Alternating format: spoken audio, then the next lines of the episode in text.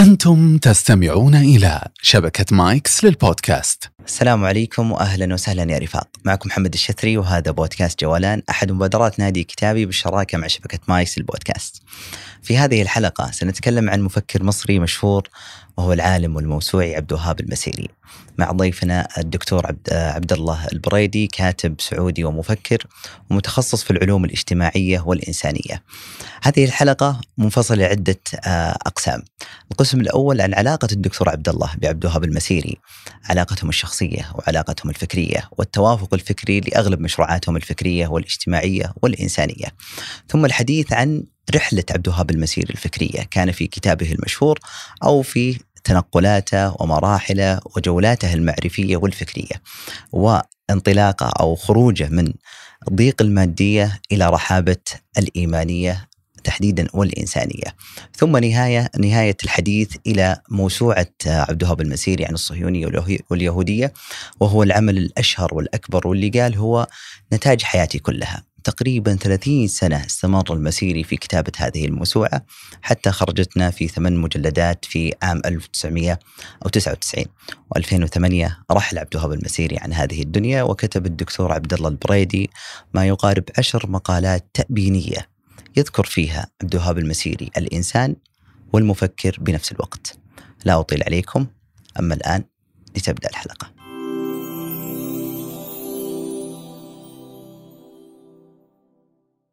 دكتور عبد الله البريدي أهلا وسهلا. الله يحييك وشكرا على الاستضافة الكريمة. الله يطول عمرك والحمد لله على سلامتك، إحنا استغلينا وجودك في معرض الكتاب. آه إن شاء الله تكون جولة عظيمة وكذلك ندوة عظيمة. المصادفة إننا في شهر أكتوبر هو الشهر الذي ولد فيه عبد الوهاب المسيري الذي سنتحدث عنه. لكن لنذهب إلى النهاية لحظة وفاة المسيري. آه دائما أقول يعني بعد المسيري كان هنالك مقالات كثيرة تأبينية آه عن عبد الوهاب المسيري وذهابه. عبد الله البريدي غرد تقريبا بعشر مقالات كنت راثيا آه واصفا متاثرا حتى وصفته بالحبيب في وقت رحيله. عن هذه العشر مقالات بعد وفاة المسيري عودة إلى الوراء كيف بدأت علاقتك مع عبد الوهاب المسيري؟ العلاقة مع الاستاذ الكبير الدكتور عبد الوهاب المسيري رحمه الله كانت علاقة أفكار قبل أن تكون علاقة أشخاص. يعني في البداية كان هنالك اطلاع على جملة من نصوص المسيري وكأنني وجدت ضالتي. لأنني يعني في قواسم مشتركة ما بين الذهنية التي أحملها والذهنية التي يحملها المسيري رحمه الله. من المجالات التي يعني تأثرت بها ابتداء هي مسألة التحيز. ولذلك حينما قرأت النصوص التي كتبها المسيري فرحت كثيرا حينما أعلن عن المؤتمر الثاني للتحيز في 2007. فبدرت بكتابة ورقة بحثية وأرسلتها مباشرة على البريد الإلكتروني للدكتور عبد الوهاب.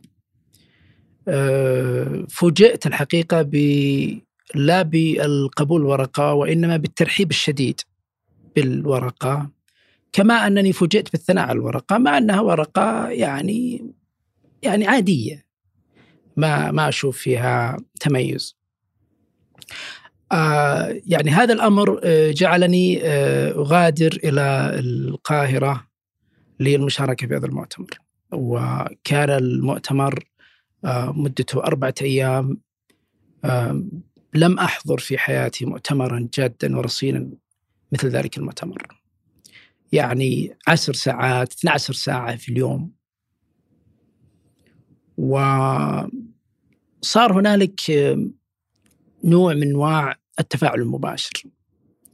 لأنني قابلت المرحوم في اليوم الثاني. في الصباح أفطرنا معا ودار الحوار والنقاش حول موضوعات عديدة وبعدها يعني اشتد الاهتمام بنصوص المسيري في المجالات المختلفة وأبرز هذه النماذج أبرز هذه المجالات هي النماذج التفسيرية. لأنني أنا أعد المسيري هو أبو النماذج التفسيرية. هو صانع أعظم منهجية لبناء النماذج التفسيرية ليس على المستوى العربي والإسلامي وحسب وإنما على المستوى الإنساني. ولهذا فكثير من الناس يجهل هذا الإسهام. أنا أعد هذا الإسهام هو الإسهام الأكبر للمسيري أنه لم يقدم لك نموذجا تفسيريا مثلا حول العلمانية. أو نموذجا تفسيريا حول الحلولية أو نموذجا تفسيريا حول الجماعة الوظيفية. فقط. وإنما قدم لك ما هو أفضل وهو منهج كيفية بناء نماذج تفسيرية. لأن الحياة ديناميكية والإنسان يواجه مستجدات وبالتالي هو لم يمنحك السمكة وإنما عودك كيف تصطاد السمكة عبر المنهجية التي نظر لها خلال أزيد من آه ثلاثة عقود. خاصة أن المسيري هو من النوع الذي يعترف بأنه آه يلغي ويشطب ويحذف ويطور وينضج ويقدم ويؤخر. وهذا يتناسب مع الذهنية التي أحملها ضمن ما أسميه بالعقيدة الإبستمولوجية لدى الباحث. يعني كل باحث له عقيدة إبستمولوجية. وأنا أحمل ضمن مفردات هذه العقيدة.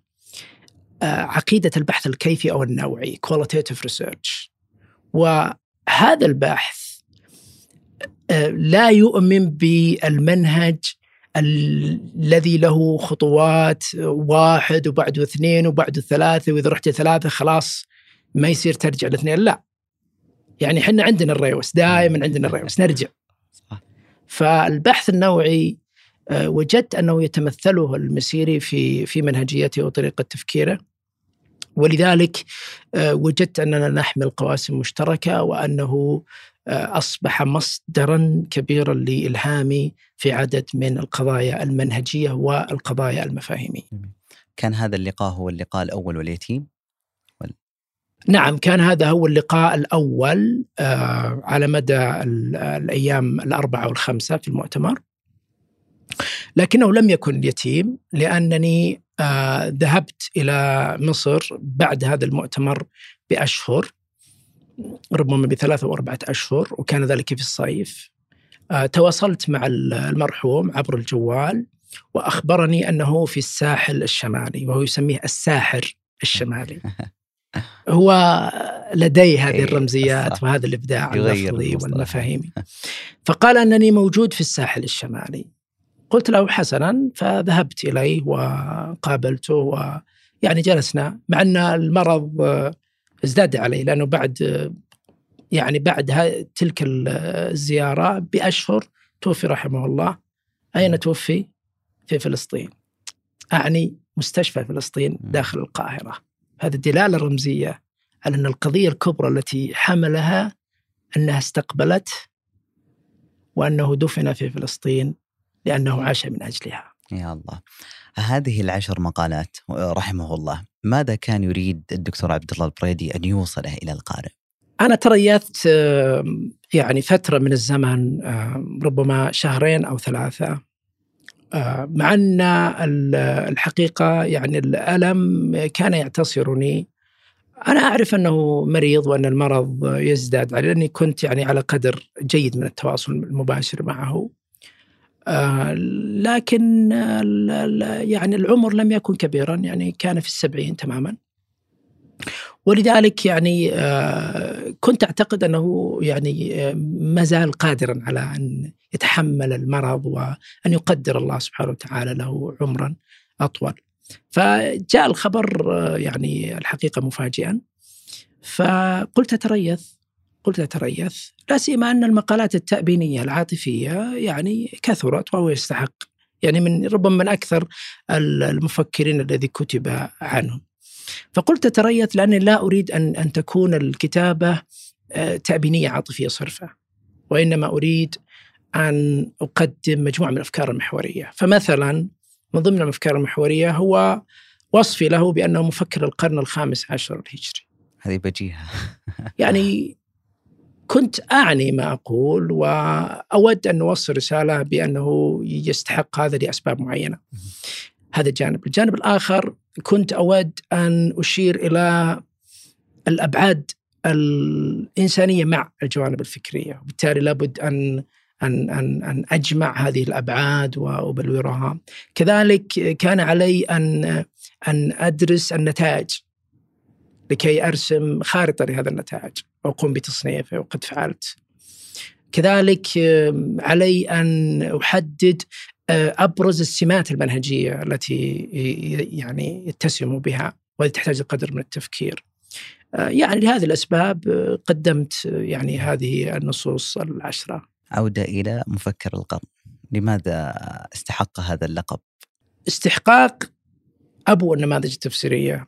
عبد الوهاب المسيري لمفكر القرن الخامس عشر الهجري لعدة عوامل. لكنني قبل ذكر هذه العوامل أؤكد على أن كلمة مفكر القرن الخامس عشر لا يعني توصي أنه توصيف احتكاري. بمعنى أنه يمكن أن يوجد مفكرون لهذا القرن أيضا. فأنا لا أعني إطلاقا أنه المفكر الأوحد وأنه لم أقل المفكر في وإنما هو يعني ضمن المفكرين لهذا القرن. هذا جانب مهم. أما أبرز العوامل فهي عديدة لكن آه، دعني ألتقط يعني يعني بعضا منها. من هذه الجوانب هو أنه يتسم أو يعني يندرج أو ينتمي إلى فئة المفكرين من المستوى الثالث. ما هي المستويات؟ طيب نأخذها واحدا تلو الآخر. أنا أصنف المفكرين ثلاث مستويات. مفكر المستوى الأول وهم أولئك الذين يفكرون في المشاكل والتحديات بشكل مباشر. يشخصونها يطرحون حلولا بقالب سريع. وبالتالي التشخيص ليس دقيقا والحلول ليست ناجعة تماما. لكنها لا تخلو من فائدة. جميل. هؤلاء هم يعني أبرز الكتاب يعني أو أو من أبرزهم الكتاب الصحفيون النوع الثاني المستوى الثاني هو مفكرو المستوى الثاني. هم هم لا يفكرون فقط في المشاكل والتحديات وإنما يفكرون في طريقة التفكير في المشاكل. بمعنى أنهم يفكرون في المنهج. ولذلك هم يقولون ما هو المنهج المناسب للتشخيص؟ لأن هنالك عدد من مناهج التشخيص. ما هو المنهج المناسب للحل؟ لأن هنالك عدد من المناهج. أي أنهم يفكرون في المقاربة. وهؤلاء يدخل فيهم الباحثون والأكاديميون. النوع الثالث والمسير ينتمي إليهم هم الذين يفكرون في طريقة التفكير في طريقة التفكير. بمعنى بمعنى؟ أن هؤلاء يفكرون في طرائق التفكير التي يستخدمها مفكرون المستوى الثاني. جميل. فينتقدونها ويصنعون مناهج جديدة ويطورون القائم والجيد منها ويعني يشذبون السلبي والضعيف والسطحي وبالتالي هم يقدمون مناهج آه، جديدة أو مطورة. آه كون عبد الوهاب المسيري ينتمي إلى فئة مفكري المستوى الثالث هم ندرة يجب أن نعترف لأنه آه يعني كثير من الباحثين والأكاديميين أرجو الله يغضبوا علي يعني لديهم اسهامات لكنها دون يعني لا يصنعون المناهج. لا يصنعون المفاهيم والمصطلحات العميقة الانعكاسية التي يمكن أن تكون مثابة أداة للتفكير. يعني أحيانا المصطلح يكون سطحي يعني يعني يعبر لك عن معنى معين. لكن يكون مصطلح ثقيل أنا أسميه مصطلح انعكاسي وأحيانا تسمى بمصطلحات مصطلح بالأدبيات تسمى مصطلحا انعكاسيا. أي أن المصطلح بات ليس مجرد كلمة بمعنى دال ومدلول وإنما هو أداة للتفكير. جميل. المسيري كذلك عندما ينتمي لفئة مفكري المستوى الثالث فإنه لديه قدرة هائلة على تفتيت التعقيد.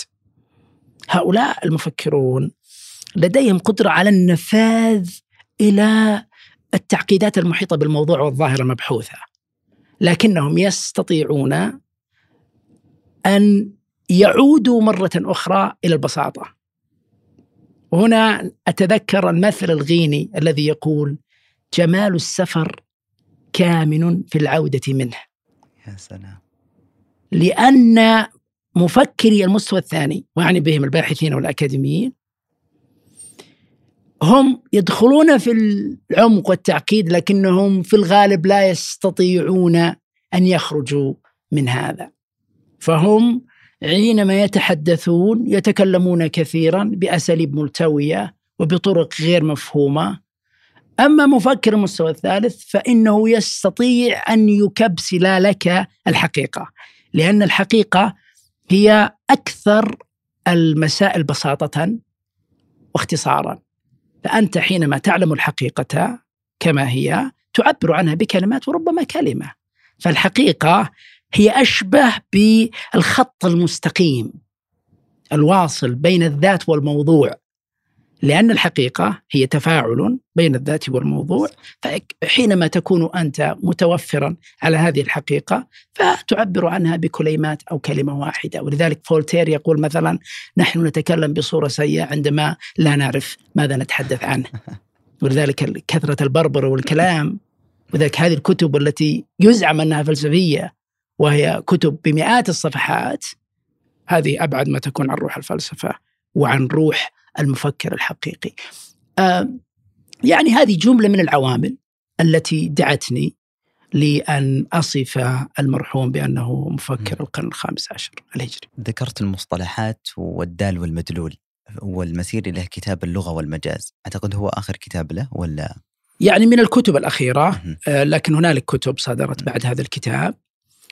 خليني أسأل سؤال وش علاقة اللغة نظرة الإنسان آه، إلى الكون أو ما كان يحاول إيصال المسيري في هذا الكتاب أيضا هذه من من من ال الكتب اللافتة وأنا أعتقد أنها تستحق يعني هذا النص اللغة والمجاز آه، يستحق أن آه، أن نهتم به أكثر. ممكن أن ألخص الرسالة الأساسية في الكتاب أو بعض الأفكار المحورية في الكتاب. الآن لو قلنا المجاز ما هو المجاز؟ المجاز مأخوذ من فعل جاز. جاز الشيء أي تعداه. اللغة عبارة عن حقيقة ومجاز. الحقيقة عندما نستخدم الكلمات كما هي في المعجم الأصلي كما هو في التداول فنقول تعبير حقيقي. وحينما نستخدم كلمة بغير معناها الأصلي مع وجود قرينة نقول أن هذا تعبير مجازي. مثال عندما تقول مثلا آه، فلان شجاع. هذا تعبير حقيقي مباشر. لكن عندما تقول فلان أسد فأنت هنا استخدمت المجاز لأنك انتزعت من الحقيقة سمات ومنحتها للإنسان المعنوي. اللغة هي نظام دلالي. لديه اتساق داخلي ولديه قواعد خاصة. وحتى يحصل التعبير إما لديك التعبير المباشر السريع وهو التعبير الحقيقي أو لديك التعبير غير مباشر عن طريق التعبير المجازي التعبير عادة باللغة يكون عبر الدال والمدلول. الدال هو الكلمة والاسم والمدلول المعنى أو المسمى. دائما هنالك مسافة بين الدال والمدلول بين الكلمة والمعنى. ولا يمكن شطب أو إلغاء هذه المسافة بين الدال والمدلول. مثال حينما أقول كرسي هذا الكرسي الذي أجلس عليه. عندما أقول كرسي في, في السياقات الطبيعية تكون المسافة بين الدال والمدلول ضيقة. لماذا؟ لأن عندما أقول كرسي ينصرف الذهن إلى الكرسي. لكن لابد من وجود هذه المسافة. لماذا؟ لأن عندما أقول كرسي هل أقصد كرسي حديدي ولا خشبي ولا في تكاية؟ ما في تكاية. له له يعني ثابت ولا له أرجل ولا له يعني متحرك إلى غير ذلك. فالمسافة لابد تكون موجودة. لكن المسافة تكون أكبر بين الدال والمدلول في السياقات الإنسانية. فرق بين كرسي وإنما نقول حرية كرامة حب. صح. هذا عاد تكون مسافة جدا بعيدة. صحيح. القضية الأساسية أنه هو يؤكد على إنه لا تستطيع لا لا يمكن إلغاء المسافة بين الدال والمدلول نهائيا حتى في السياقات الطبيعية. فما بالك في السياقات الإنسانية؟ هذه رسالة واضحة في الكتاب. ويؤكد على أن المجاز وإن استخدم في الأدبيات العربية وبالذات التراثية على أنه نوع من المحسنات البديعية والزخارف اللفظية إلا أنه في الغالب هو جزء أساسي من التفكير. لأنه جزء من اللغة واللغة جزء من الإدراك.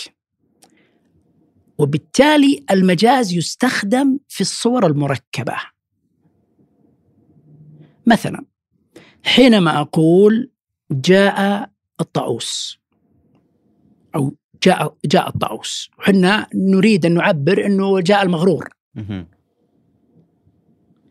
طيب لماذا؟ أنا كان بإمكاني أقول جاء المغرور.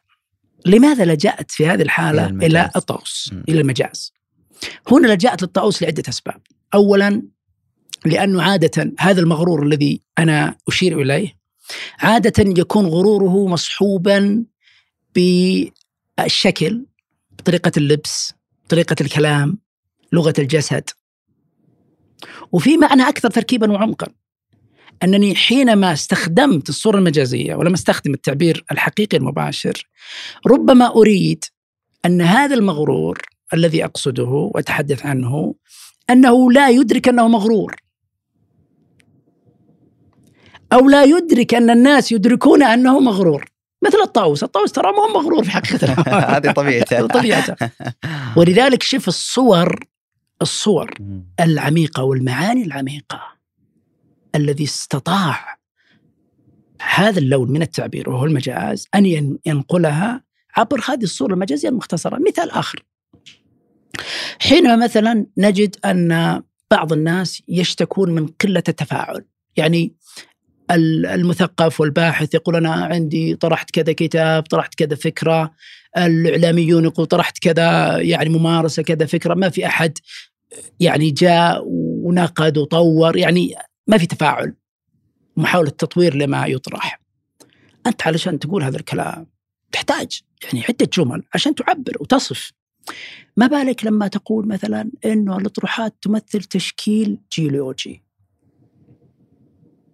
إيش الصورة المجازية؟ الصورة المجازية هنا أن الأطروحات هذه مثابة طبقات الصخر متجاورة لكن غير متفاعلة. خلاص انتهى. فإذا المجاز له آه، يعني يعني أهمية كبرى. من ال- المعاني العميقة في الكتاب أن المسير دائما يؤكد على المرجعية المتجاوزة بدل المرجعية الكامنة. لأنه في المنظومات الدينية ونحن ننتمي للمنظومات الدينية لإيماننا بهذا الدين العظيم نؤمن بالمرجعية المتجاوزة أي أنها تتجاوز الإنسان وهو الإله الله سبحانه وتعالى. بينما المرجعية الكامنة تشير إلى أن الشيء أو الفكرة أو الفلسفة مرجعيتها في ذاتها بالتالي لا تحتاج إلى مرجعية خارج ذاتها. فهنا يفعل هذه الفكرة عن طريق القول بأن مسألة الربط بين الدال والمدلول في اللغة تحتاج إلى ما يسميه بالمدلول المتجاوز. طيب ما هو المدلول المتجاوز؟ المدلول المتجاوز هو المرجعية النهائية للغة هو الركيزة هو المطلق للغة. يتضح هذا الأمر عبر مثال. عندما أقول أسرة كلمة أسرة. هذه دال مدلول. أسرة كلمة من الأحرف المكونة لها لفظا وكتابة. والمعنى يشير إلى رجل و رجل وامرأة وأطفال أطفال. في بيت. هذا في في المجتمعات المسلمة والمجتمعات مم. التقليدية. إذا هنا لاحظ أنني حينما أنتقل إلى المجتمعات الحديثة. أجد أن هذا المعنى موجود وهو يمثل النسبة الأكبر في المجتمعات الغربية حتى المجتمعات الغربية.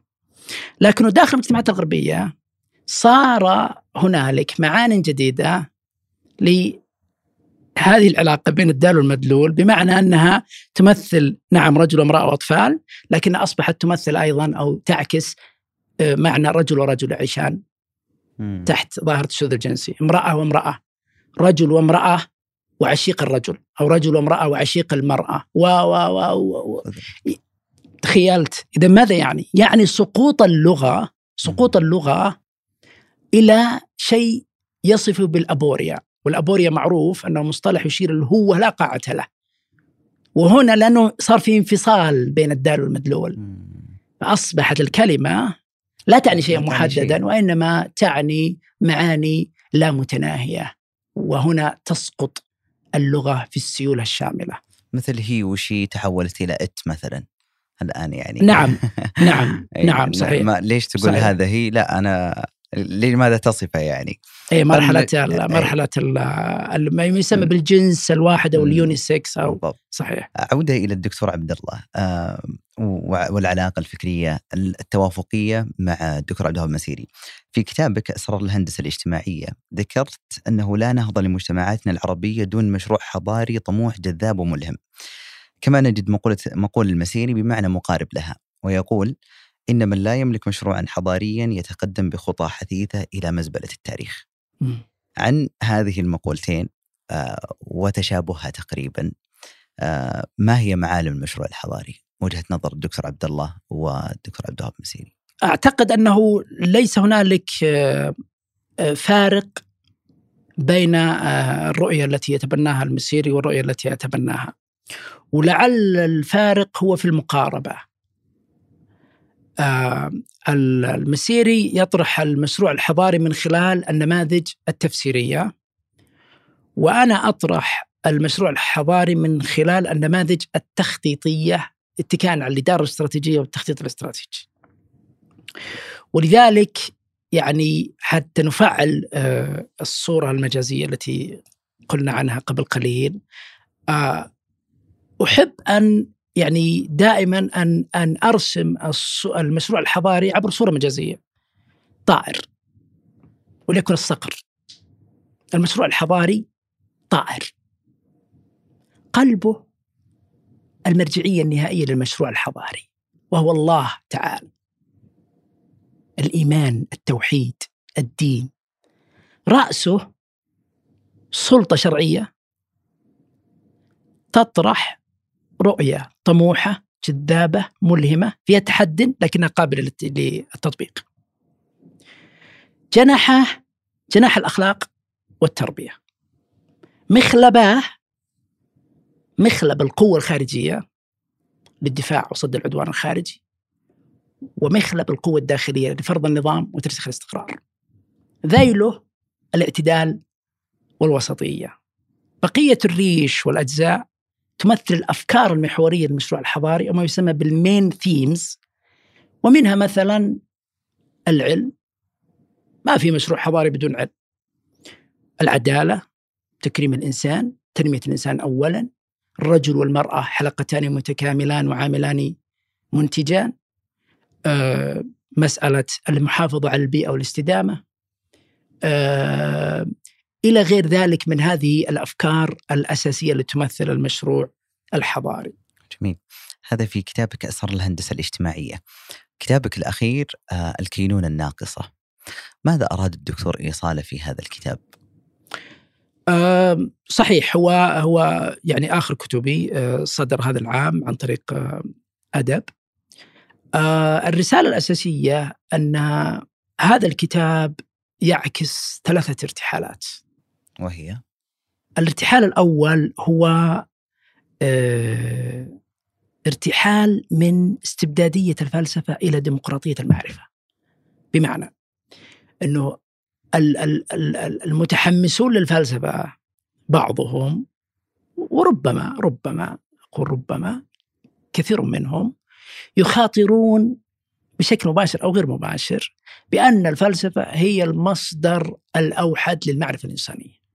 أو على الأقل المصدر الرئيس والمهيمن والأعمق للمعرفة الإنسانية. هذا ماذا يعكس؟ يعكس شيء أنا أسميه في الكتاب استبدادية الفلسفة. فأنا أرفض هذه الاستبدادية وأقول أن المعرفة أن الفلسفة هي مصدر أو نوع واحد للمعرفة الإنسانية. فهنالك المعرفة الدينية ولها أهميتها القصوى ومرجعيتها ومجالاتها وهنالك العلم وله أهميته ومجا- ومجالاته وهنالك الأدب والفن. اذا هنالك أربع مصادر للمعرفة جميل. الإنسانية ليس الفلسفة فقط فالكتاب يمارس ارتحالا إذا من استبدادية الفلسفة إلى الفلسفة وين ديمقراطية حطيتها المعرفة دكتور؟ الفلسفة بين الثلاثة وين حطيتها؟ من الدين ولا لدي المعرفة الدينية والعلم. والمعرفة الفلسفية والأدب. والمعرفة العلمية والأدب والفن هو نعم. مصدر ضمن المصادر الأربعة إذا هذا الارتحال الأول الارتحال الثاني أن الكتاب يحاول أن يدفع بنا أن يجعلنا نرتحل من جمود الفلسفة إلى إبداع التفلسف.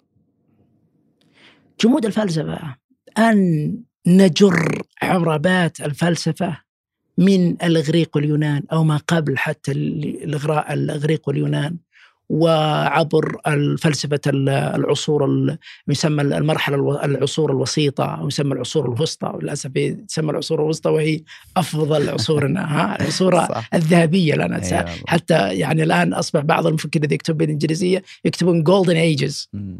آه، ف فمرورا بال- بالفلسفة المعاصرة والفلسفة الحديثة. مجرد يعني تخيل إنه في كتابي في كتابي كنون ناقصه أحصيت عدد الصفحات التي كتبت عن نيتشه ب ألف صفحة كتبناها. واو. هل يستحق نيتشه؟ قطعا لا يستحق. أنا نيتشه ممكن ممكن أنا ألخص القضايا الأساسية نيتشه في أنا دائما أنا هكذا يعني في المرحلة الأخيرة صرت أدعو إلى كبسلة الفيلسوف. يعني نيتشه أنا أختصره في سطر وإن كان عميقا في فقرة وإذا كان أكثر عمقا أو تفصيلا في فقرتين في صفحة. لكن ليست أكثر من صفحة 80 ألف صفحة ماذا أعمل بها؟ فالكتاب يحاول أن يدفع بنا من هذا ولذلك أنت عندما تأتي إلى إلى كوب الذهن ترى مثابة الكوب مرة ثانية صورة مجازية مم. الكوب وعندما تملأه بسائل هل يكون ثمة مساحة لسائل آخر؟ لا فأنت عندما يكون ذهنك اشتغال بما قال فلان وقال فلان وتريد أن تكون ضابطا لأفكاره و... و... و... ونيتشه الأول والثاني وهايدجر الأول والثاني والمراحل وين عاش وين شاف و... إلى آخره. هل هل تستطيع أنت أن تفكر وأن تبدأ وأن تتفلسف؟ ما فيه لأنه عمر الإنسان محدود جهد الإنسان محدود وقت الإنسان محدود. إذا الكتاب يحاول أن يدفع الإنسان العربي المسلم من هذا الجمود إلى إبداع التفلسف ضمن تحدياتنا نحن وإشكالياتنا نحن ومشروعنا الحضاري العربي الإسلامي بمرجعيته مم. الدينية والسياسية لنحقق ال- النهضة المرجوة. الارتحال الثالث هو الارتحال من ضيق الفلسفة المتمردة إلى رحابة الفلسفة المؤمنة. وقد حاولت أن وصف الفلسفة المتمردة لأنه يجب أن نعترف بأن النفس العام أو ما يسمى بالتيار الرئيسي the mainstream في الفلسفة الغربية هو أقرب وأميل إلى الفلسفة المتمردة. على المرجعية النهائية وعلى الإله. آه، ولذلك يجب أن إلى متى مثلا نقرأ في هذه الأدبيات التي لا تعد أن تكون مجرد تمرد وصراخ في وجه الإله. تعالى عن ذلك. يعني نوع من أنواع العبث. في الحقيقة. فالكتاب يحاول ان أن يعري الفلسفة المتمردة وأن يطرح الفلسفة المؤمنة وأن يبين أن الفلسفة المؤمنة لا تمثل معوقا للتفلسف الإبداعي ولان هنالك من يعتقد أن إدخال البعد الديني والإيماني يفسد على الفلسفة صنعتها وهذا أراه خرافة وليس صحيح على الإطلاق. وقد طرحت مجموعة من الأمثلة والتطبيقات في الكتاب. جميل. آه، إحنا نتحدث عن عبد الوهاب المسيري. المسيري صاحب مشروع. وكل صاحب مشروع غالبا ما تجد مشاريعه أو أفكاره في جميع كتبه واطروحاته حتى نسوي مقدمة للحديث أكثر عمقا عن المسيري. ما هي أفكاره الرئيسية اللي خلينا نقول بنى مشروعه عليها وانطلق آه، من خلالها؟ الأفكار المحورية الأساسية آه، أستطيع أن أقول آه، فكرة آه، النموذج التفسيري. يعني عبد الوهاب المسيري هو انتقل بنا من النموذج الإرشادي أو المرشاد أو البارادايم من بارادايم التعريف إلى بارادايم النموذج التفسيري بمعنى عدد كبير من الباحثين عندما يدرس أي موضوع أو ظاهرة يبدأ بتعريف الظاهرة أو الموضوع فيعطيك يسمى شيء التعريف التعريف النظري theoretical definition فيعرف إنه والله الموضوع كذا وكذا وكذا وكذا ثم يجمع بيانات حول الظاهرة ويحللها في في ضوء إيش؟ في ضوء التعريف. وقد إذا أراد أن يكون البحث كميا يحول هذا التعريف إلى تعريف يسمى تعريف إجرائي operational definition بحيث يكون له أبعاد، يعني مثلا يعني مثلا الذكاء لو أنا داخل paradigm التعريف أنا أتي وأعرف هذا الذكاء بتعريف نظري ثم أحوله لتعريف إجرائي علشان أقيس. عندي متر وقيس فأقول مثلا إنه التعريف الإجرائي للذكاء هو الذي يحصل على مثلا درجة 140 في اختبار ال IQ مثلا اختبار الذكاء والذي يحصل على كذا وكذا مع إنه جاءت الآن نظريات الذكاءات المتعددة ونسفت قضية إن الذكاء احادي الابعاد فأنا أقول مثلا في الرياضيات يحصل على درجة كذا في الذكاء اللفظي يحصل على كذا في الذكاء الرياضي يحصل على كذا في الذكاء الموسيقي يحصل على كذا وهكذا. ويحصل البحث وتحصل نتائج. لا بأس بها مفيدة. لكن عبد الرحمن المسيري يرفض هذا المدخل ماذا قال؟ هو يقول يفترض أنه بدال التعريف أنا أفترض أني أكون أو أبني نموذج تفسير الظاهرة ما هو نموذج تفسير الظاهرة؟ يفترض المسيري أنه أي موضوع حينما يكون في الواقع فهو معقد جدا لأن فيه عوامل كثيرة داخلة مؤثرة ولذلك النموذج التفسيري هو تمثيل ذهني تجريدي يحاول أنه يختصر ويبسط هالواقع المعقد عبر هالنموذج. فبالتالي النموذج التفسيري كأنه يعكس لك الواقع المعقد كما هو. طبعا باختصار واختزال لأن عقل الإنسان اختزالي. لو تدخل كل العوامل سيقف العقل الإنساني. وبالتالي لابد من فكرة التبسيط. ولذلك هو نموذج تجريدي تمثيلي مبسط لشبكة العلاقات بين هذه العوامل اختيار أهم العوامل وكيف تعمل وتتفاعل في الواقع يعطيك نموذج. النموذج التفسير للظاهرة سيكون مثابة الإضاءة لمساحات هائلة من المساحات المظلمة فينير لك زوايا كثيرة جدا معتمة وبالتالي تستطيع أن تفهم وتستوعب. ولذلك مثلا حينما طرح مثلا مفهوم نموذج مثلا عندما تحدث عن العلمانية كم عدد النصوص والأبحاث التي كتبت على العلمانية في العالم؟ لا أقول في العالم العربي. آلاف مئات الآلاف. لكن كلها كانت تعتمد على التعريف. إنه والله العلمانية هي فصل الدين يعني. عن السياسة و... وما عاد يروحون لمجتمع ألف. يفصل معناته علماني. ما يفصل معناته غير علماني. يفصل شوي معناته متوسط العلمانية. هو يقول هذا كلام يعني يعني قليل الفائدة. هو يبني فذهب وقال لا اولا العلمانية ليست نوعا واحدا. فمايز بين العلمانية الجزئية والعلمانية الشاملة. ثم قال علشان أفهم العلمانية الشاملة لابد أن أضع نموذجا تفسيريا لها. وهذا النموذج تفسيري لم يكتفي فقط بطرح فكرة عابرة وإنما طرح لها منظومة مفاهيمية. مثلا طرح مثلا أول اولا وهذا من من الأشياء العميقة وتدل على عمق وصدق الباحث. تعرف الإنسان عندما يأتي بفكرة وأنه نموذج يعكس الواقع ترى يعني يعني نحن ندعي وصفنا باحثين يعني ندعي أنه هالنموذج ذا ترى هو الواقع. هو ماذا يقول مثلا؟ يقول عمر النموذج التفسيري ما يتحقق في الواقع. طيب شو تشتغل أجل عليه؟ يقول لك لا النموذج التفسيري ما يعكس الواقع ولا يتحقق بالكامل. يعني هو مثابة كأنه يصنع لك العلمانية هذا عشان تفهمها كأنه يصنع لك فيلم. من 40 ساعة فيلم طويل. وعلشان تستوعب الحبكة يعطيك مراحل. وهو يقول لك أنه النموذج هذا قائم على معطيات. ليس شرطا أن يتحقق النموذج كما هو. ولا دفعة واحدة ولذلك يأتي بمفهوم المتتالية النماذجية. لكي تفهم أن هذا النموذج يتحقق عبر عبر إيش؟ عبر الزمن عبر محطات. ثم لاحظ أنه قال ما يلزم النموذج العلماني دائم في خط أفقي آه مرحلي مستمر. يمكن أن يكون تراجع يعني بمعنى يمكن تكون هناك درجة علمنة شديدة في مجتمع وممكن يكون في تراجع للعلمنة. وبالتالي يأخذ المنهج الانعكاسي. لكنه يقول أن النموذج التفسيري للعلمانية ولغيرها أحيانا يتحقق بأعلى صورة له في الواقع. هذه يسميها اللحظة النماذجية. يعني متى يتحقق النموذج في أجلى صوره اللي يعكس عن جوهر هذا النموذج. ولذلك مثلا هو يقول أنه اللحظة النازية لحظة إحراق هتلر. ليس لليهود فقط وإنما الإسلاف الغجر القعدة المسنين وبالتالي لم يكن لليهود. هذه يعني خرافة أسطورة أن المحرقة الهولوكوست لليهود وإنما هي محرقة للأفواه غير المنتجة.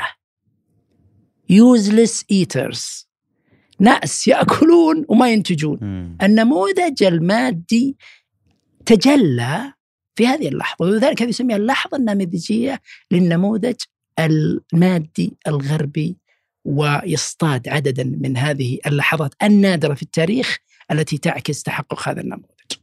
يعني هذا يمكن الحديث يطول حول صراحة فكرة النماذج لكن هو إذا طرح منهجية متكاملة لنماذج تفسيرية طرح منظومة مفاهيمية لهذا المنهج ولم يكتفي بالتنظير أو طرح منظومة مفاهيمية وإنما طبق طبق وأعطاك كيف طبق أعطاك كيف أخطأ أعطاك كيف كان تفكيره سطحيا في مرحلة ثم تطور ولماذا تطور؟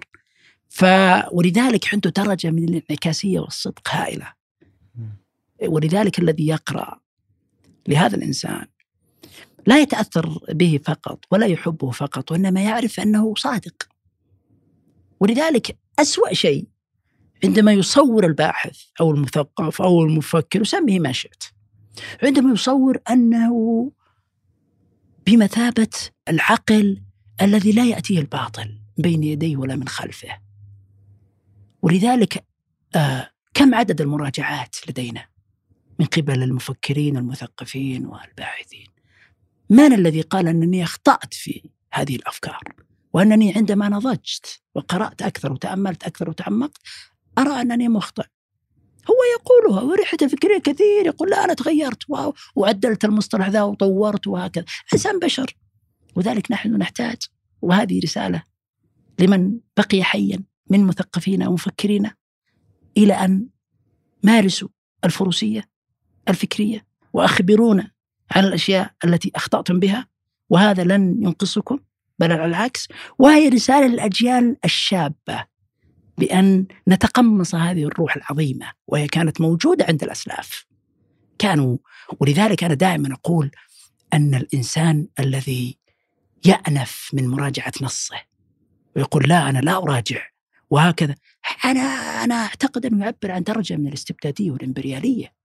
يعني كأنه كان الإنسان هو هو نصف إله لا يراجع ولا يعني يعني درجة يعني تحتاج فعلا أن نتبصر بها وأن نعيد الحسابات وأنا آمل فعلا أن الممارسة التي آه، مارسها المسيري أن تكون نموذجا لنا جميعا في هذا الاتجاه. جميل جدا.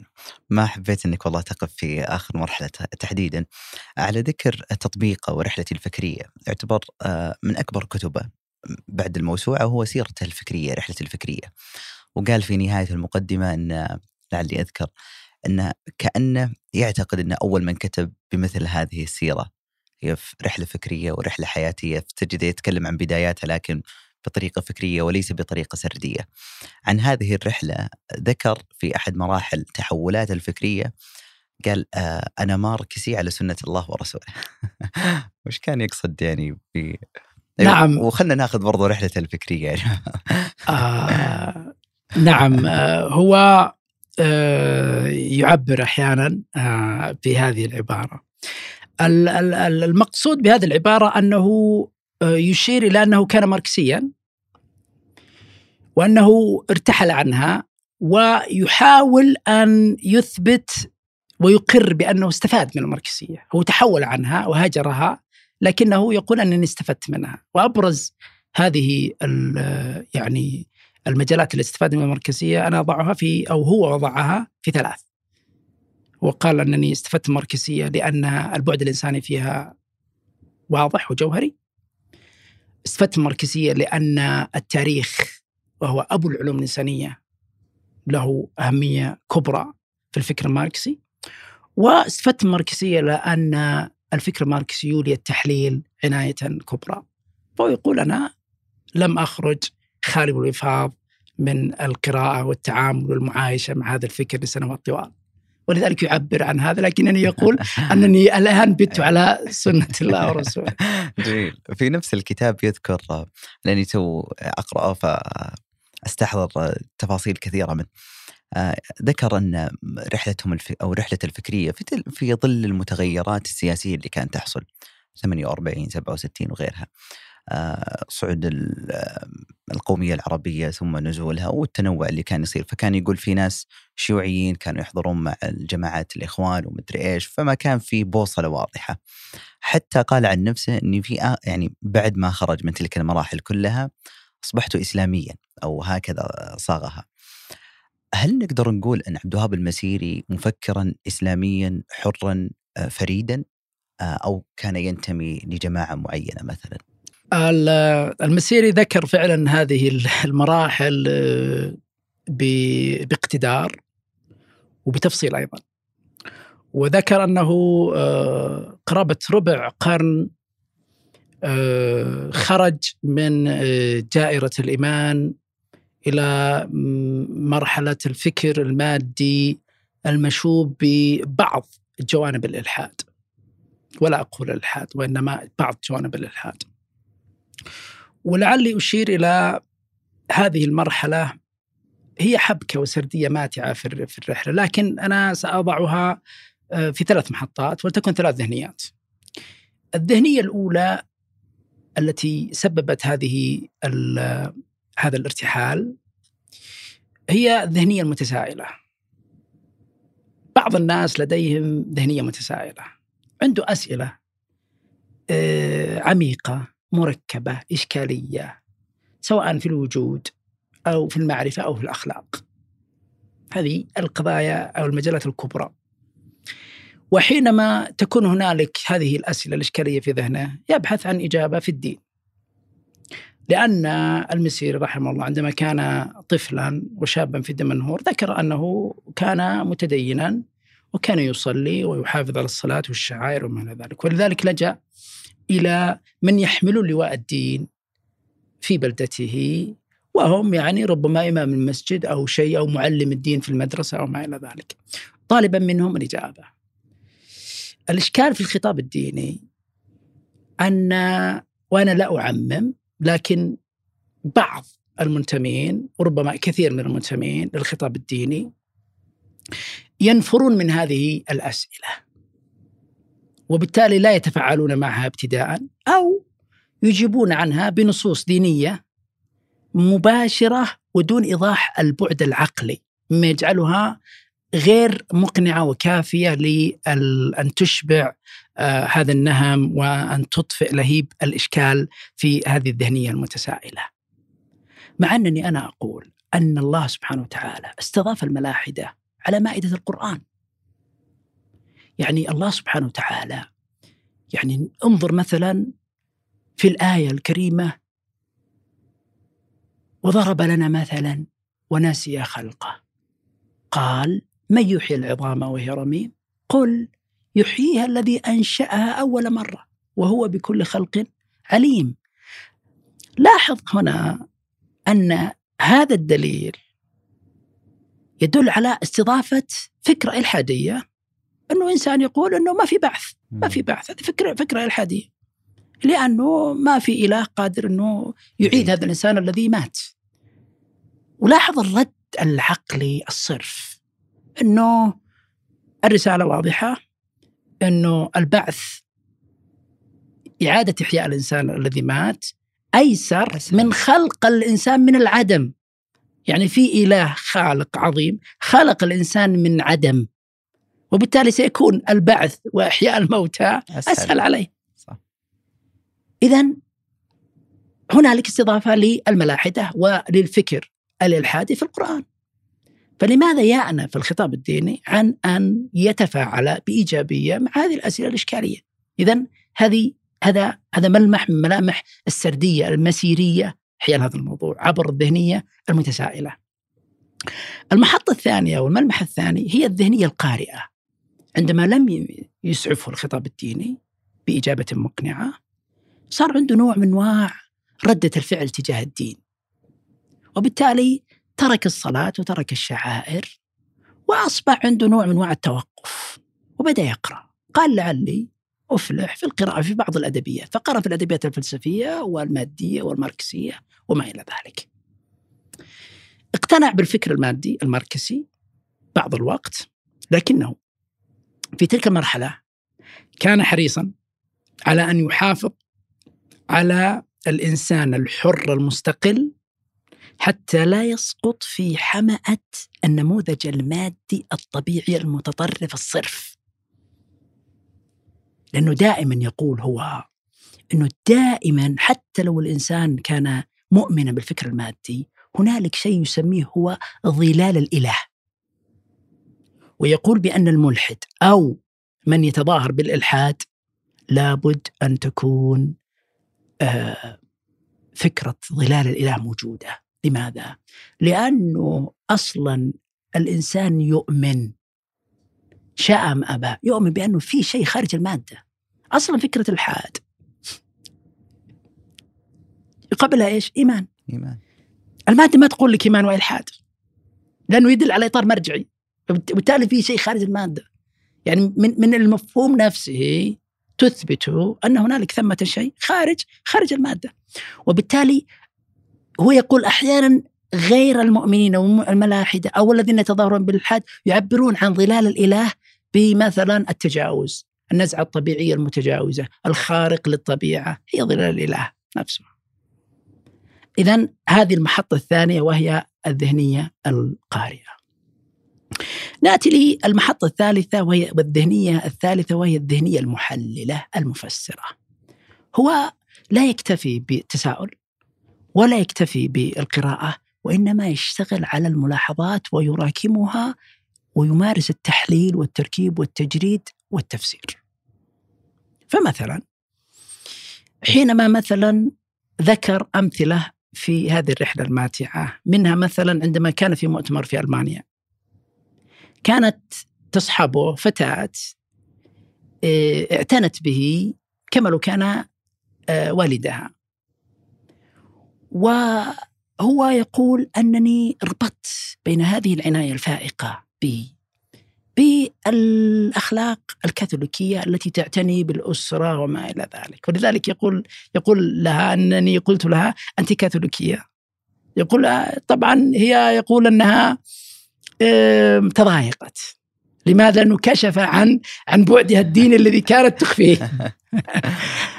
ويقول أن أنه عندما حينما عاد من من من أمريكا عاد في 69 سكن في مصر الجديدة ولاحظ أن طريقة التخطيط العمراني يتضمن فلسفة التداخل بين البيوت والتفاعل.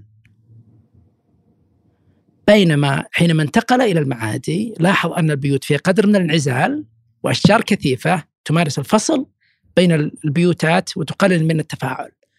يقول عندما لاحظت أكثر وجدت أن الذي بنى مصر الجديدة هم البلجيكيون الكاثوليك.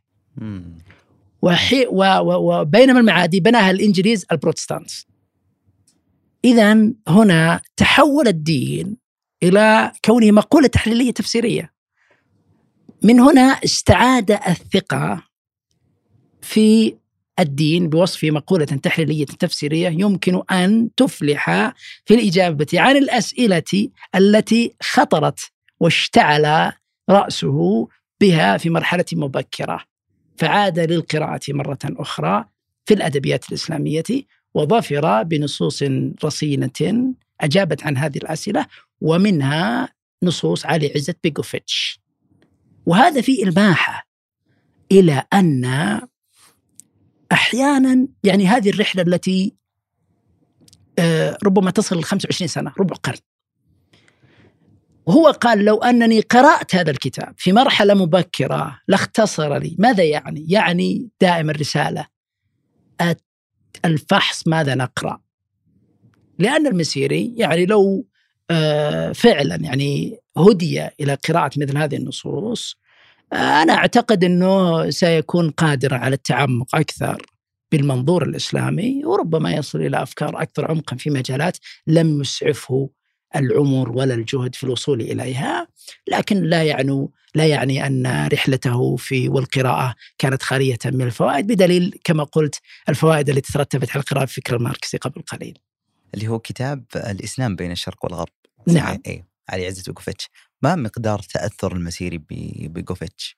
كبير. خاصة في نظرته الشاملة للحياة. كبير. هو تأثر بعلي عزت بيكوفيتش تاثرا كبيرا.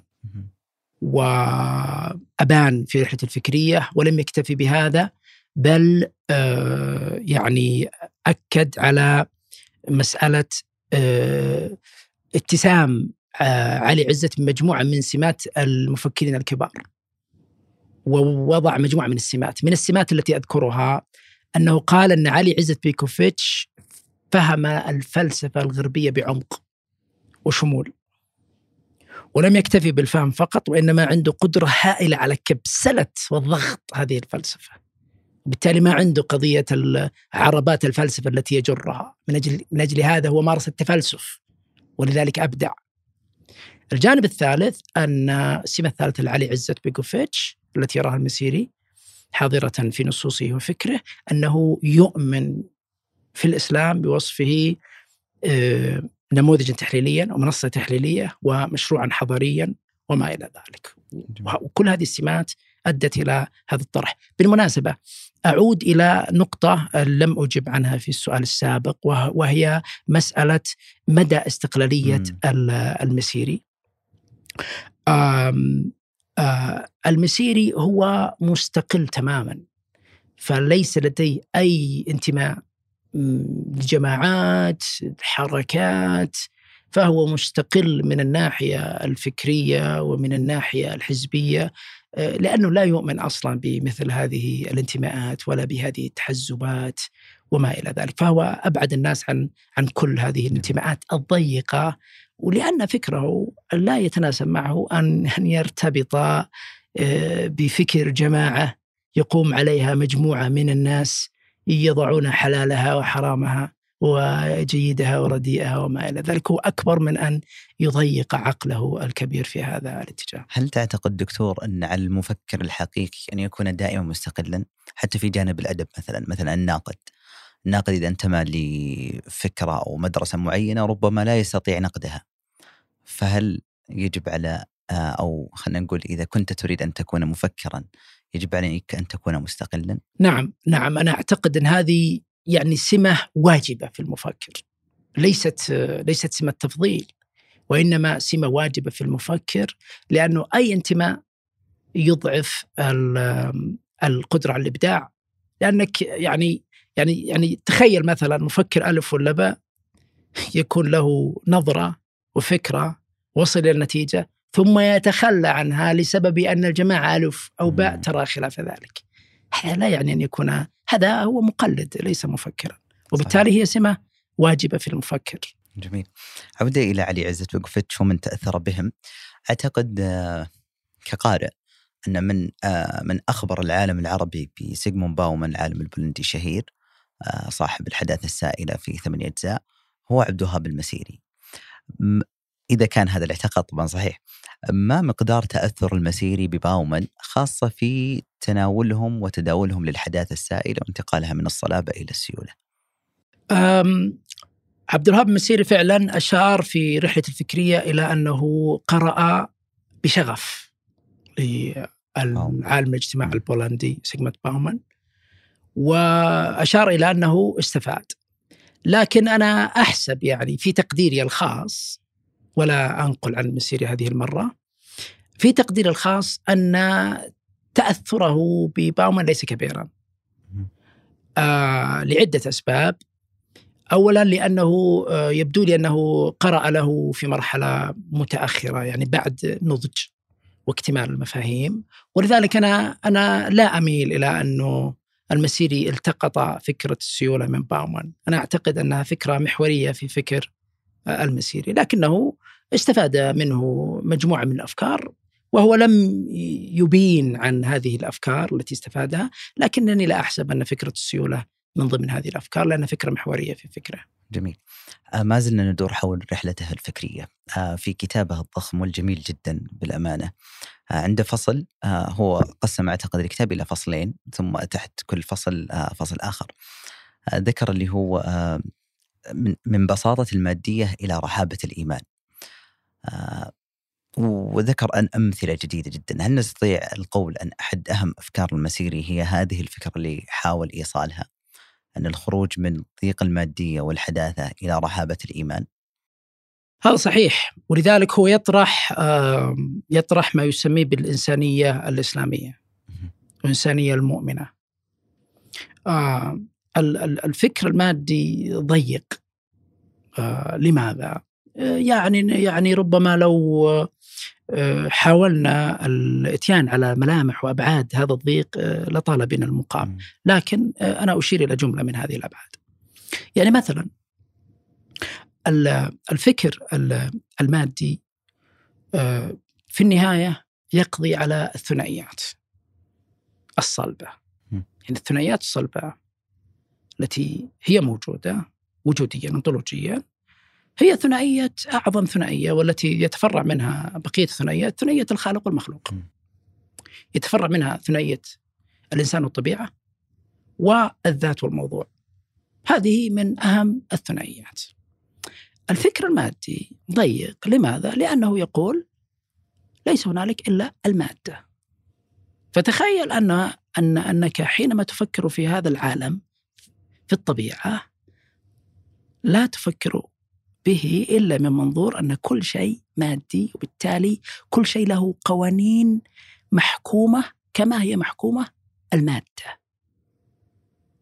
فهذا فيه تضييق وتخيل أن الإنسان إيه، يعني يراد له أن يعامل في المختبر معاملة أي مادة من المواد التي نجلبها ونجري عليها تجربة من التجارب.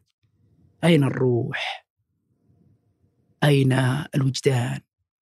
أين الشاعرية؟ أين الفن؟ أين الجمال؟ أين الذاكرة؟ أين الإيمان؟ أين آه، التوحيد الذي هو مصدر الاضطراد في العالم. كل هذه الأشياء غير موجودة. التعاقد والتراحم كذلك. التعاقد والتراحم كذلك. مثلا انظر مثلا إلى آه، الضيق أن الفكر المادي في النهاية يؤول إلى نهاية التاريخ. كيف؟ يعني أنا حينما ألغي المرجعية النهائية والركيزة النهائية والمرجعية المتجاوزة كما آه، عبر مثلا فوكوياما في أن الليبرالية الغربية تعني نهاية التاريخ. ماذا ماذا يعني هذا الكلام؟ اولا لابد من الإشارة إلى أن فكرة نهاية التاريخ كتب عنها المسيري قبل فوكوياما فقد كتبها كتبها في 1972 بينما أظن فوكوياما أظن طلع الكتاب في 1984 أو شيء من هذا القبيل. هذه نقطة. ولا تهمنا كثيرا السابق، لكن عندما يكون السابق حقيقيا يجب أن نعترف به وهو يفرحنا لأنه يدل على نوع من أنواع الإبداع. ماذا يعني إنه فوكوياما يقول أن الليبرالية نهاية التاريخ. التاريخ هنا ليس هو الأحداث. ليس هو علم التاريخ الذي يعتني بالأحداث فيحللها و... و... لا. التاريخ هنا يعني المسرح الذي يصنع فيه الإنسان مجده وحضارته. هذا المعنى للتاريخ. فيأتي فوكوياما ويسدل الستار على الإنسان ويقول نهاية التاريخ بمعنى إنه أنت يا الانسان المعاصر لا تفكر في أي نموذج حضاري ولا ديني ولا أخلاقي ولا تنموي، لا تفكر، ليش؟ لأنه إحنا وصلنا لنهاية التاريخ، خلاص النموذج الليبرالي ذا هو الكتيب التشغيل ها للإنسان حتى قيام حتى قيام الساعة، خلاص هو كتيب تشغيل. ما الذي جعله يقول بهذا؟ من ضمن العوامل الأساسية التي جعله يقول بهذا لأنه اغتال الإله وهنا نرجع لفكرة موت الإله عند نيتشه.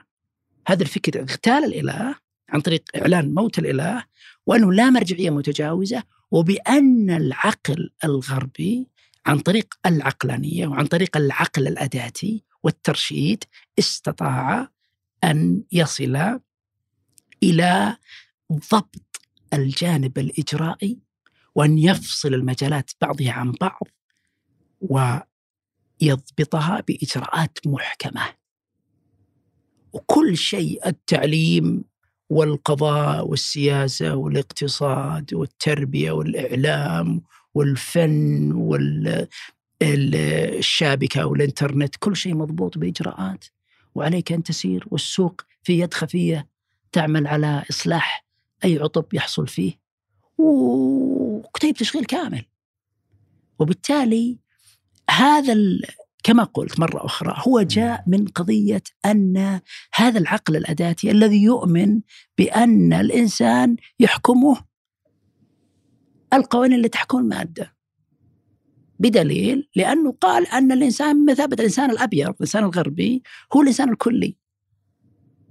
وذلك لا لا تأتي وتقول أنا عندي إسلام عندي أخلاق عندي قيم لا. إنسان كلي والإنسان الأبيض يعبر أو يجسد فكرة الإنسان الكلي ونحن ضبطناه ورشدناه والترشيد عند المسيري يعني التدجين.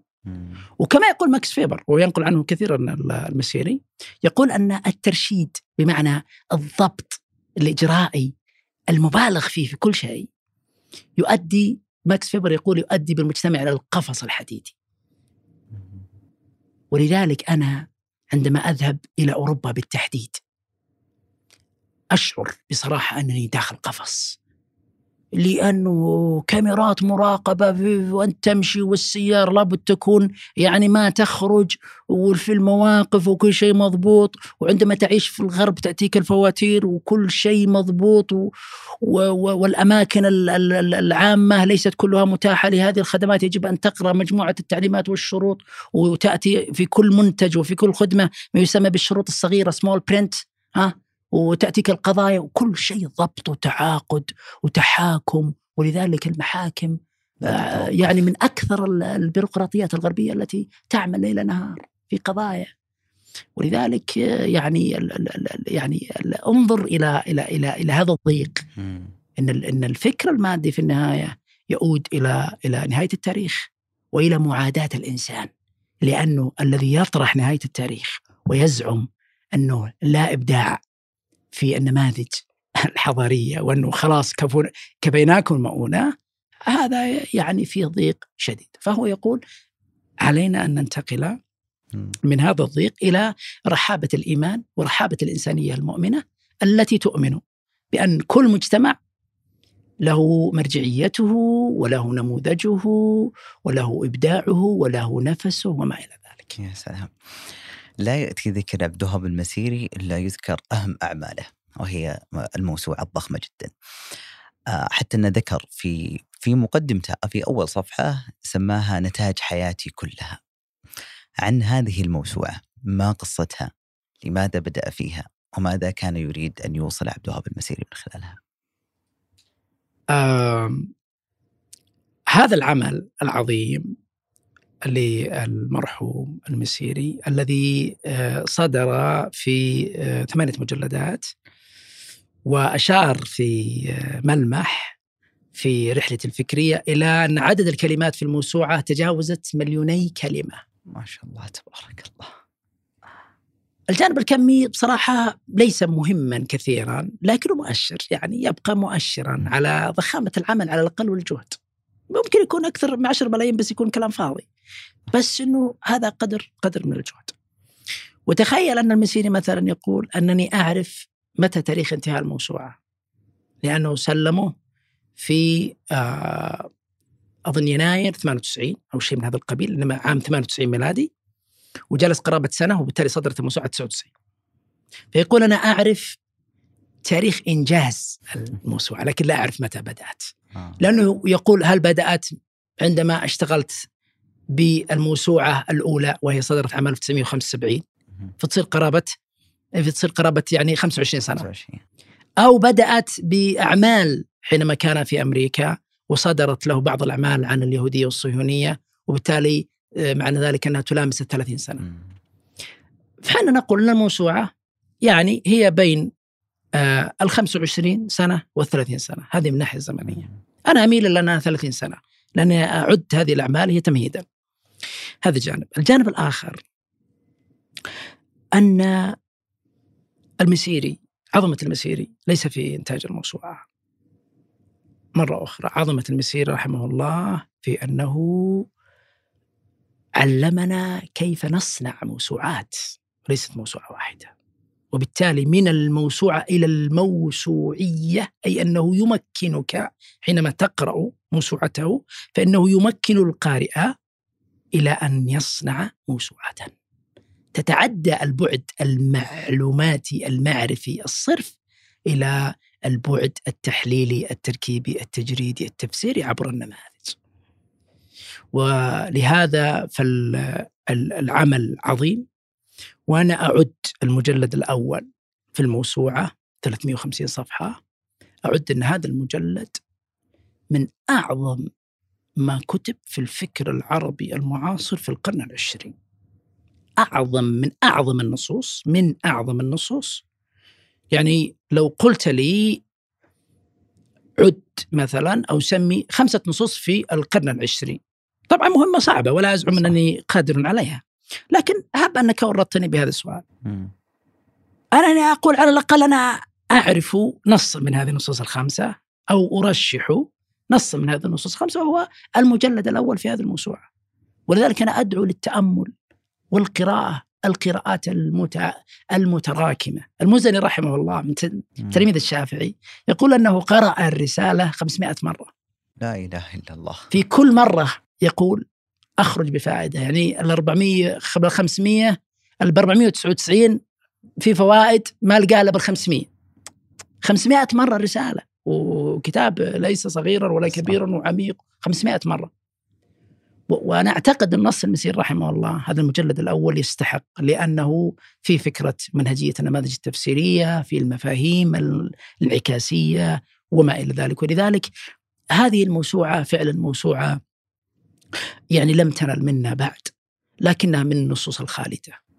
والملهمة والتي أحسب أنها ستلهم عشرات ومئات الباحثين في العقود والقرون القادمة.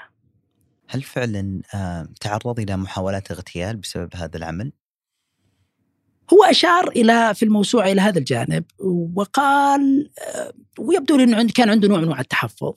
وهذا يعني الذي يعرف شخصيته رحمه الله يدرك أنه لا يبالغ في في الأبعاد الشخصية لا لا يحب أن يجعل من نفسه القضية. بدليل أن موسوعته هي رحلة فكرية صح أكثر من كونها شخصية. فهو أشار إلى هذا الجانب وأشار إلى أنه نعم هنالك استهداف ومثلا أشار إلى تذكر مثلا أشار إلى أنه يوم كان في أمريكا هو راح مرتين من 63 ل 69 أخذ فيها الماجستير والدكتوراه. ومن 75 ل 79 عندما أخذت زوجته الدكتوره هدى حجازي رحمها الله الدكتوراه.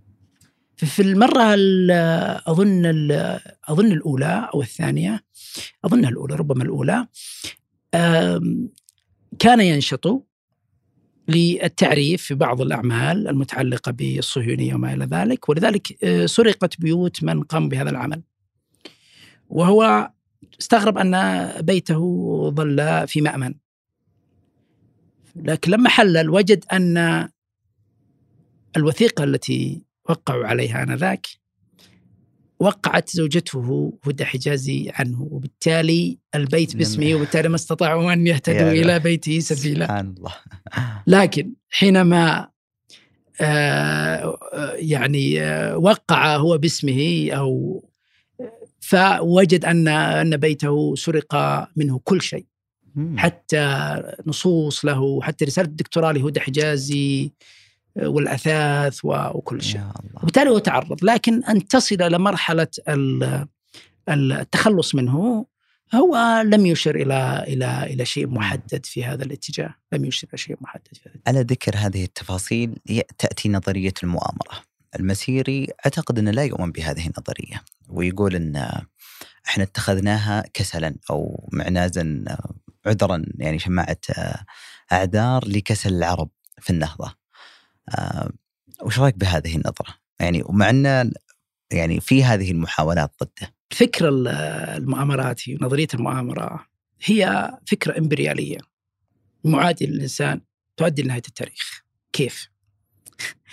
يعني تخيل عند كثير من الناس الذين يؤمنون بالفكر التآمري آه ليش أقول أن هذه الفكرة إمبريالية معادية للإنسان نهاية التاريخ؟ لأنه عندما يتشبع بهذا الفكر وبهذه النظرية يدرك أن العالم كل شيء مخطط له. في خطط كل ما يحدث هو أصلا مخطط له من زمان والحادثة الفلانية أصلا يبونه بهذه الطريقة ها؟ وهم لديهم التحكم بالاقتصاد والإعلام. إلى ماذا يؤدي؟ إلى الخضوع والاستسلام التام للإنسان. فلا يصنع تاريخا.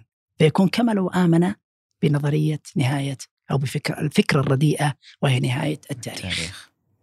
وهذا خطورة يعني عندما تتأملها تجد أن ولذلك لا يعملون ولا ينتجون. إنما هم يحبطون ويثبطون ويقول لك كل شيء مخطط و... وأنت يعني أنت ما أنت فاهم أنت تجلس بس تفهم وش اللي يصير وما, وما إلى ذلك فهي مقولة ولذلك هو نعم يحذر منها من هذه المنطلقات العميقة. آه، في الفصل السادس والأخير من موسوعته ورحلته الفكرية سماه في عالم الأدب والفن. م.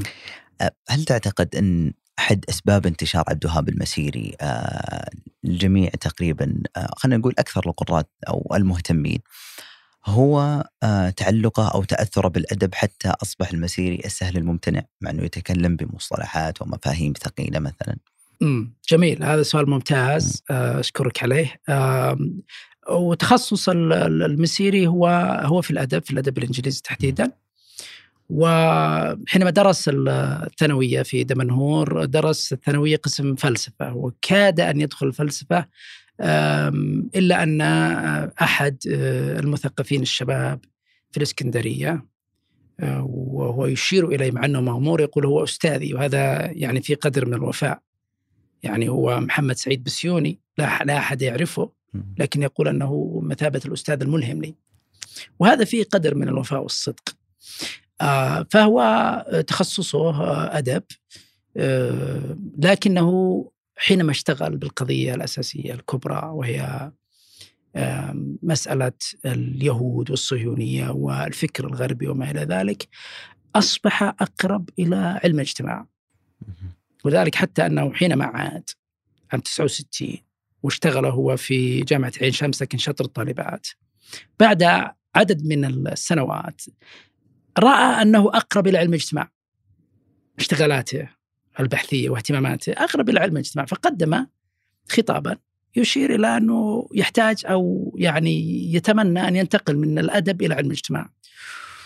ثم قال في نفسه حتى أدعم هذا الطلب آه، سجل ماجستير في الجامعة الأمريكية في علم الاجتماع وأنهى المقررات بقيت فقط الرسالة.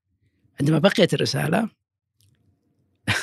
نصحه أحد الأكاديميين الأقحاح قال له عليك أن تملأ كأسك باليأس لأنه حتى ولا رئيس الجمهورية يستطيع أن يوقع على نقل نقلك من الأدب إلى علم الاجتماع فيقول كففت عن هذا وما إلى ذلك. فعودة إلى إلى إلى روح السؤال أنا أقول أن المسيري نعم هو محب وهو شاعر وكتب لي في أدب الأطفال مجموعة صح. من القصص الرائعة. آه، روحه روح الأديب وروح الفنان وروح الشاعر. آه، لم يكتفي بهذا وإنما استفاد من مناهج ولذلك هو قال أنه استفاد من مناهج الدراسات الأدبية. لأن الدراسات الأدبية تطرح مناهج عميقة جدا وناجعة جدا في تحليل النص.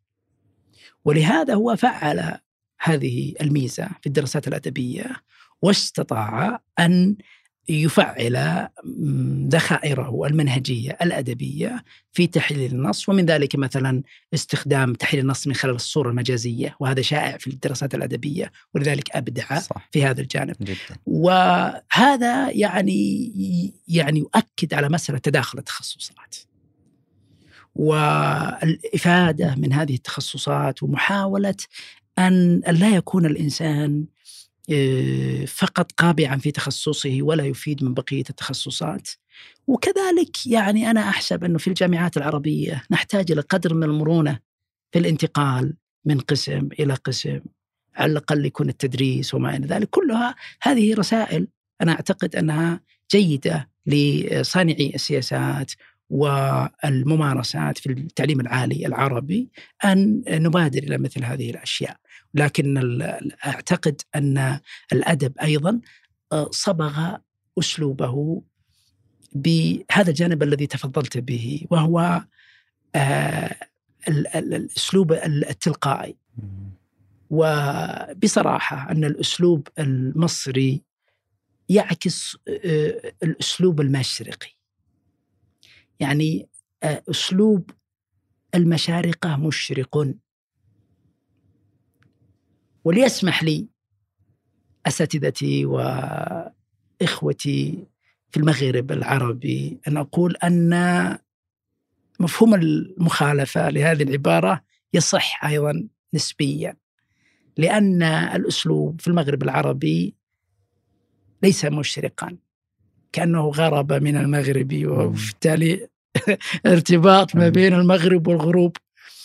وأعتقد أن النص المغاربي لو أشرق على هذه التلقائية سيكون أكثر نجاعة وأكثر فائدة لأنه في النص المغاربي آه، أساليب آه، غير يعني غير مباشرة في التعبير. ولذلك هنالك آه، يعني صعوبة في التعامل مع النص المغاربي بخلاف النص المشرقي. ولذلك مثلا حينما تقرأ مثلا ليس ولذلك هذه سمه ليست موجودة في عبد الوهاب المسيري رحمه الله. تقرأ عبد الرحمن بدوي تجد هذا هذه التلقائيه زكريا إسماعيل أحمد أمين عثمان أمين كل هؤلاء أحمد أمين أيضا مثلا في الفكر كل هؤلاء تجد أن أسلوبهم تلقائي. لكن ترى في جانب آخر في الأسلوب وهو أن يعني الأسلوب ليس هو صنعة كتابية فقط وإنما هو روح. صح. فروح المسيري هي روح الصديق وبالتالي ليس مشرقا وتلقائيا وإنما هو حواري كأنما كتبه وأبحاثه كأنما تتحاور معك وتأخذ وتعطي معك. جميل. الحديث عن عبد الوهاب المسيري رحمه الله يعني لا نريد أن ينتهي خاصة انه لا يمكن أن ننهي يعني. ولعلي أختم بسؤال آه، شخصي إن سمحت لي. آه، طبعا آه، هو الحديث عن محمود درويش وإحنا صورنا حلقة عن محمود درويش. ونجدك تتفق مع هذا القول. يقول درويش سيصرخون نريد ما بعد المحطة. فانطلق. أما أنا فأقول انزلي هنا. وتعلق قائلا نعم أنا أيضا مثل درويش تعبت بل سئمت من السفر في هذا النموذج العابس. ولذا فإنني ألملم أشتاتي لأن أعتق منه ولو تبصرا أو واستبصارا متحدثا فيه عن الحياة المعاصرة بنموذجها الوظيفي الصارم. ما الذي دفع أبو عبد الرحمن الدكتور عبد الله البريدي إلى أن تصل إلى هذه المرحلة؟ شكرا لك على هذا السؤال.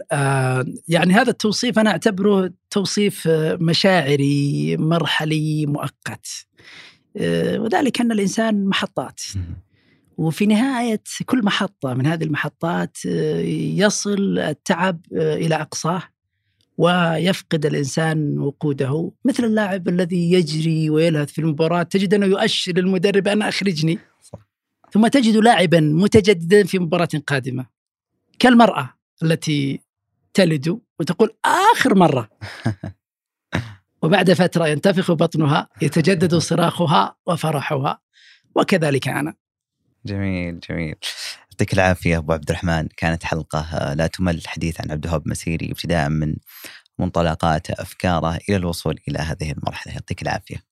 شكرا لك أخي أستاذ محمد أبو عبد الرحمن. وأنا سعيد بهذه الاستضافة ومستمتع. الله يرفع قدرك وشكرا للسامعين والرائين الوصول إلى هذه المرحلة. لا تنسون الاشتراك ومشاركة الحلقة لمن يهمه الأمر. وفي أمان الله.